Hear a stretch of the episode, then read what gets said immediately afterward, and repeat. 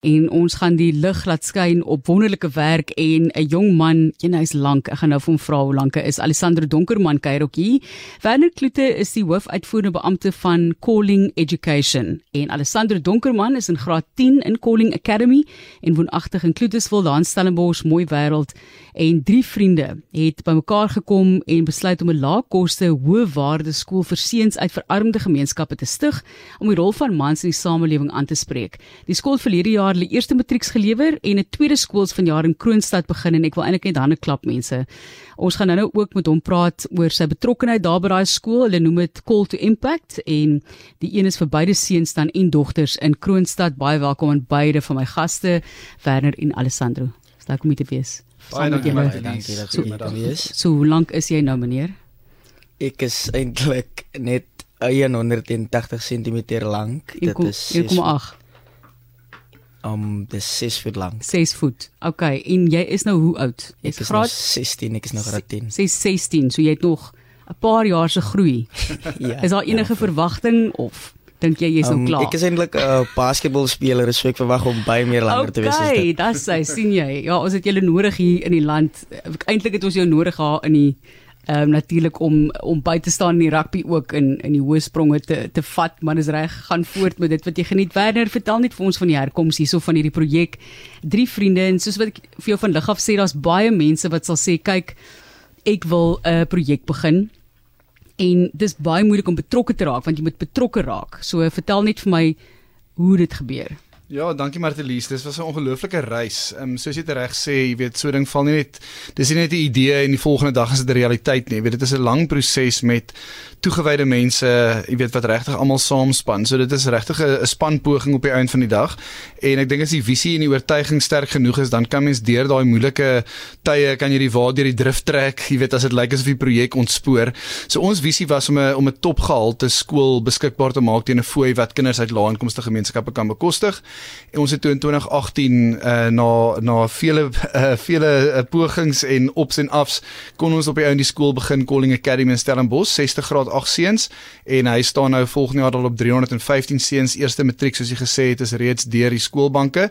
En um, ons het altyd gevoel as die ding werk en as dit die model um, suksesvol is finansiëel en andersins en ons voel dat die impak wat ons maak regtig um, jy weet die die die teiken tref dat mens moet kyk of jy nie uh, die die uh, storie kan skaal nie. En toe het ons 'n tweede skool verlede jaar begin in Kroonstad. Hy staan nou al op 100 leerders seuns en meisies volgende jaar 160 En so gaan ons aan en as daar as as alles uitwerk en as die Here wil is daar dalk nog 'n uh, is is dalk nog een van dies oor 'n paar jaar. So ons monitor maar hoe dit ontwikkel. Maar die ding is net wanneer jy hierdie gedagtes het en die planne het, dan is jy seker in 'n posisie waar jy aan 'n werk het. Jy weet wat ek bedoel. So ek dis 'n hele omwenteling in jou lewe om hierdie tipe van besluite te neem. Dis nie sommer net van hier soos 'n gebou, ek gaan nou skooltjie begin nie. Mm, mm. Jy moet 'n gebou hê, jy moet grond hê, jy moet mm. daar soveel reëls om na te kom. So hoe lank het dit vir julle geneem? Nee, dis geweldig kompleks daai daai dinge en veral ek dink die groot ding is wil jy dit net doen of wil jy dit goed doen? En ek dink daar's baie mense wat wat iets net wil doen, maar die standaard is nie noodwendig ehm um, van die hoogste gehalte nie. En ons droom was ons wil hierdie ding regtig uitstekend doen. En dit maak dit nog bietjie moeiliker want dan moet jy briljante mense kry en hoe kry jy hulle om in te koop as jy nog nie 'n gebou het om te wys nie, soos jy heeltemal reg sê. So nee, dit het ons 2 jaar gevat. Ek het einde 2015 bedank by my vorige skool waar ek was, Paul Roos in Stellenbosch vir vir 10 jaar. Ehm um, en toe het ons 2 jaar gevat om die navorsing, ontwikkeling en die netwerk uh, die netwerk um, aktiwiteite te doen om die om die saak van die grond af te kry. So 2 2 jaar se harde werk deur 'n toegewyde span. So vertel vir ons asseblief nou hoe jy op die ou end by hierdie skool betrokke geraak het Alessandro. Jy is nou graad 10. Wanneer het jy daar begin en hoe het hulle jou het hulle jou geselekteer? Het hulle jou kom haal? Het jy aansoek gedoen? Hoe het dit gewerk? So toe ek graad 7 was uh, by Laerskool Ritenbos het ek by Calling aansoek gedoen en ek dink hulle het my dadelik aanvaar en hulle het my laat tuis voel by die skool so dis hoe ek eintlik betrokke geraak het by Calling Academy. So wat dink jy is die rede vir die vinnige aanvaarding, jou dadelik aanvaar? Wat maak jou soos dis 'n verskriklike vraag vir enige iemand, maar hoekom dink jy is dit die geval? Vir my dit was seker my pers personality ja. en hoe ek was. My punte was baie hoog, maar ek dink hulle het meer as net dit gekyk en hulle het na my karakter gekyk en hoe ek is en dis hoe ek aanvaar was. Hoe voel, hoe voel jy oor die konsep? Goed, dankie Werner wat beamoen daarso, dis korrek.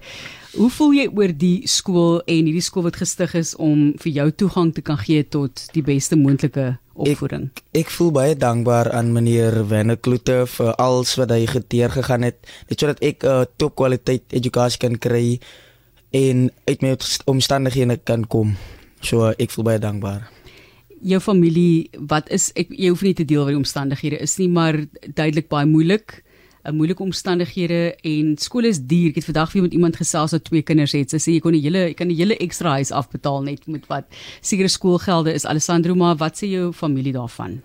My familie is baie hoe kan ek sê ondersteunend van die skool. Hulle dink dit is 'n wonderlike kans wat ek kry in lewe om suksesvol te wees en ek dink hulle is baie bly dat hulle my na Calling Academy toe gestuur het.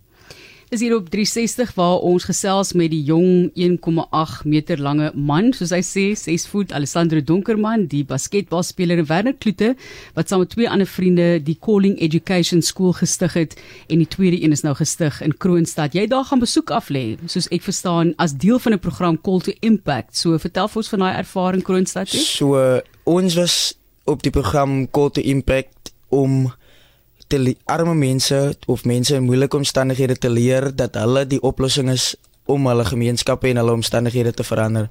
So Call to Impact het ons um Pretoria, Johannesburg getoer om te kyk hoe armoede vir almal is in die areas wat ons nie gewoond aan is nie en hoe almal armoede aanvaar as hulle eie probleem.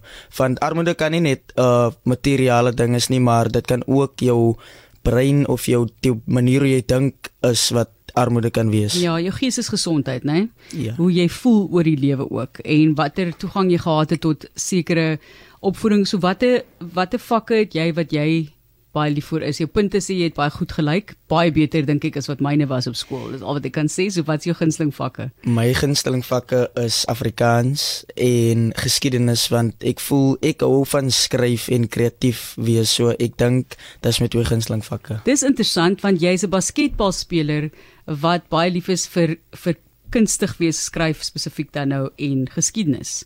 So dis 'n ja. interessante wisselwerking. Jy's 'n multidimensionele mens, wil ek net sê. Alessandro, so wat wil jy doen met die basketbal terloops? Wil jy op skool speel? Wil jy na skool? Ek wil speel. Mm, as ek die kans kry, wil ek miskien na skool speel, maar my droom is eintlik om 'n prokureur te wees om mense wat voel dat hulle nie 'n stem het nie te kan gehoor maak. Goed. So. Dis nou wat ek 'n slim slim plan noem. Daai slim meneer.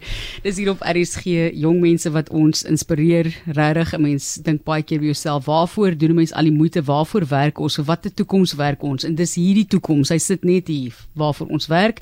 Werner, waar kom die geld vandaan? Ek vra die vraag nou maar direk want dis 'n baie groot uitdaging om 'n skool te begin om enige besigheid te begin. Uh, ek weet nie bestuur julle die skool soos 'n besigheid of hoe werk dit? Ek is jammer dat ek dit nou direk vra. Nee, dit is om iemand te vra wat is jou salaris in 'n maand? Jy weet nee, nee, dit is heeltemal reg. Mens moet dit vra want dit is 'n groot um, uitdaging vir enige nuwensgewende organisasie is hoe gaan daai finansiële model lyk, né? Want as jy sê ons gaan toponderrig bied, jy dan begin jy by toponderwysers, né? Dit is vir ons die belangrikste en dan wil jy vir mense ten minste 'n salaris kan betaal wat wat kompeterend is en dit kan jy nie doen as aan die geld is nie.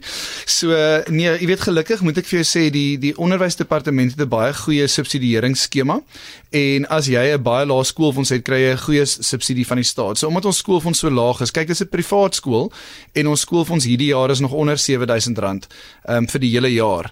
So dis R580 'n maand. Um, so die ouers moet bydra, dis vir ons 'n belangrike beginsel en dan gee die staat vir jou 'n goeie 'n goeie subsidie rofweg um, R10000 'n jaar wat jy kry per leerder van die staat en verder is dit privaat donateurs. En ek dink Martelisie weet mense het al vir my gevra nou, weet hoe hoe doen 'n mens fondsinsamelings en dit voel altyd vir my daar's drie groepe wat jy nodig het as jy iemand wil oortuig om betrokke te raak. Die een is wat is die probleem wat jy aanspreek? As jy regtig die regte probleem kan aanspreek en ons vat nou hierdie kwessie van jy weet die gebrek aan topgehalte onderrig vir lae inkomste leerders as 'n enorme probleem in ons land.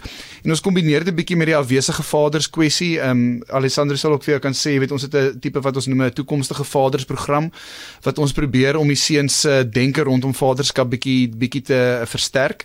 Ehm um, want dit is 'n groot probleem. So ons het die probleemstelling redelik goed gaan uitpak. So as jy dit het en verder het jy ook 'n goeie oplossing model en sê hoekom, jy weet wat wat is my spesifieke sterkpunte wat ek bring na hierdie aanspreek van die probleem toe? En dan laastens wat jy nodig het is 'n goeie span, mense wat wat regtig bekwam is en wat weet hoe om die finansiële bestuur te doen, die onderrig te doen en al daai goeders wat jy in 'n besigheid nodig het. So ek dink as mens daai drie goeders het, dan sal mense sê maar hierdie mense moet ons ondersteun. So 60% van ons begroting is donasies, né? So dit is dis definitief so. Jy maak staat op mense se goedhartigheid, maatskappye um, wat inspring en sê hier's 'n model wat ons sien wat 'n impak kan maak. Jy weet baie mense is so bereid om by te dra, die wat kan. Wanneer hulle weet die geld word reg toegepas, hulle kan vertrou waarheen dit gaan en so aan. So daar is so baie mense wat wil ondersteun. Ek dink mense is is moeg vir die wantroue in sekere stelsels. So hmm. mense vertrou julle duidelik om daai werk te doen. Wat is die toekoms hier?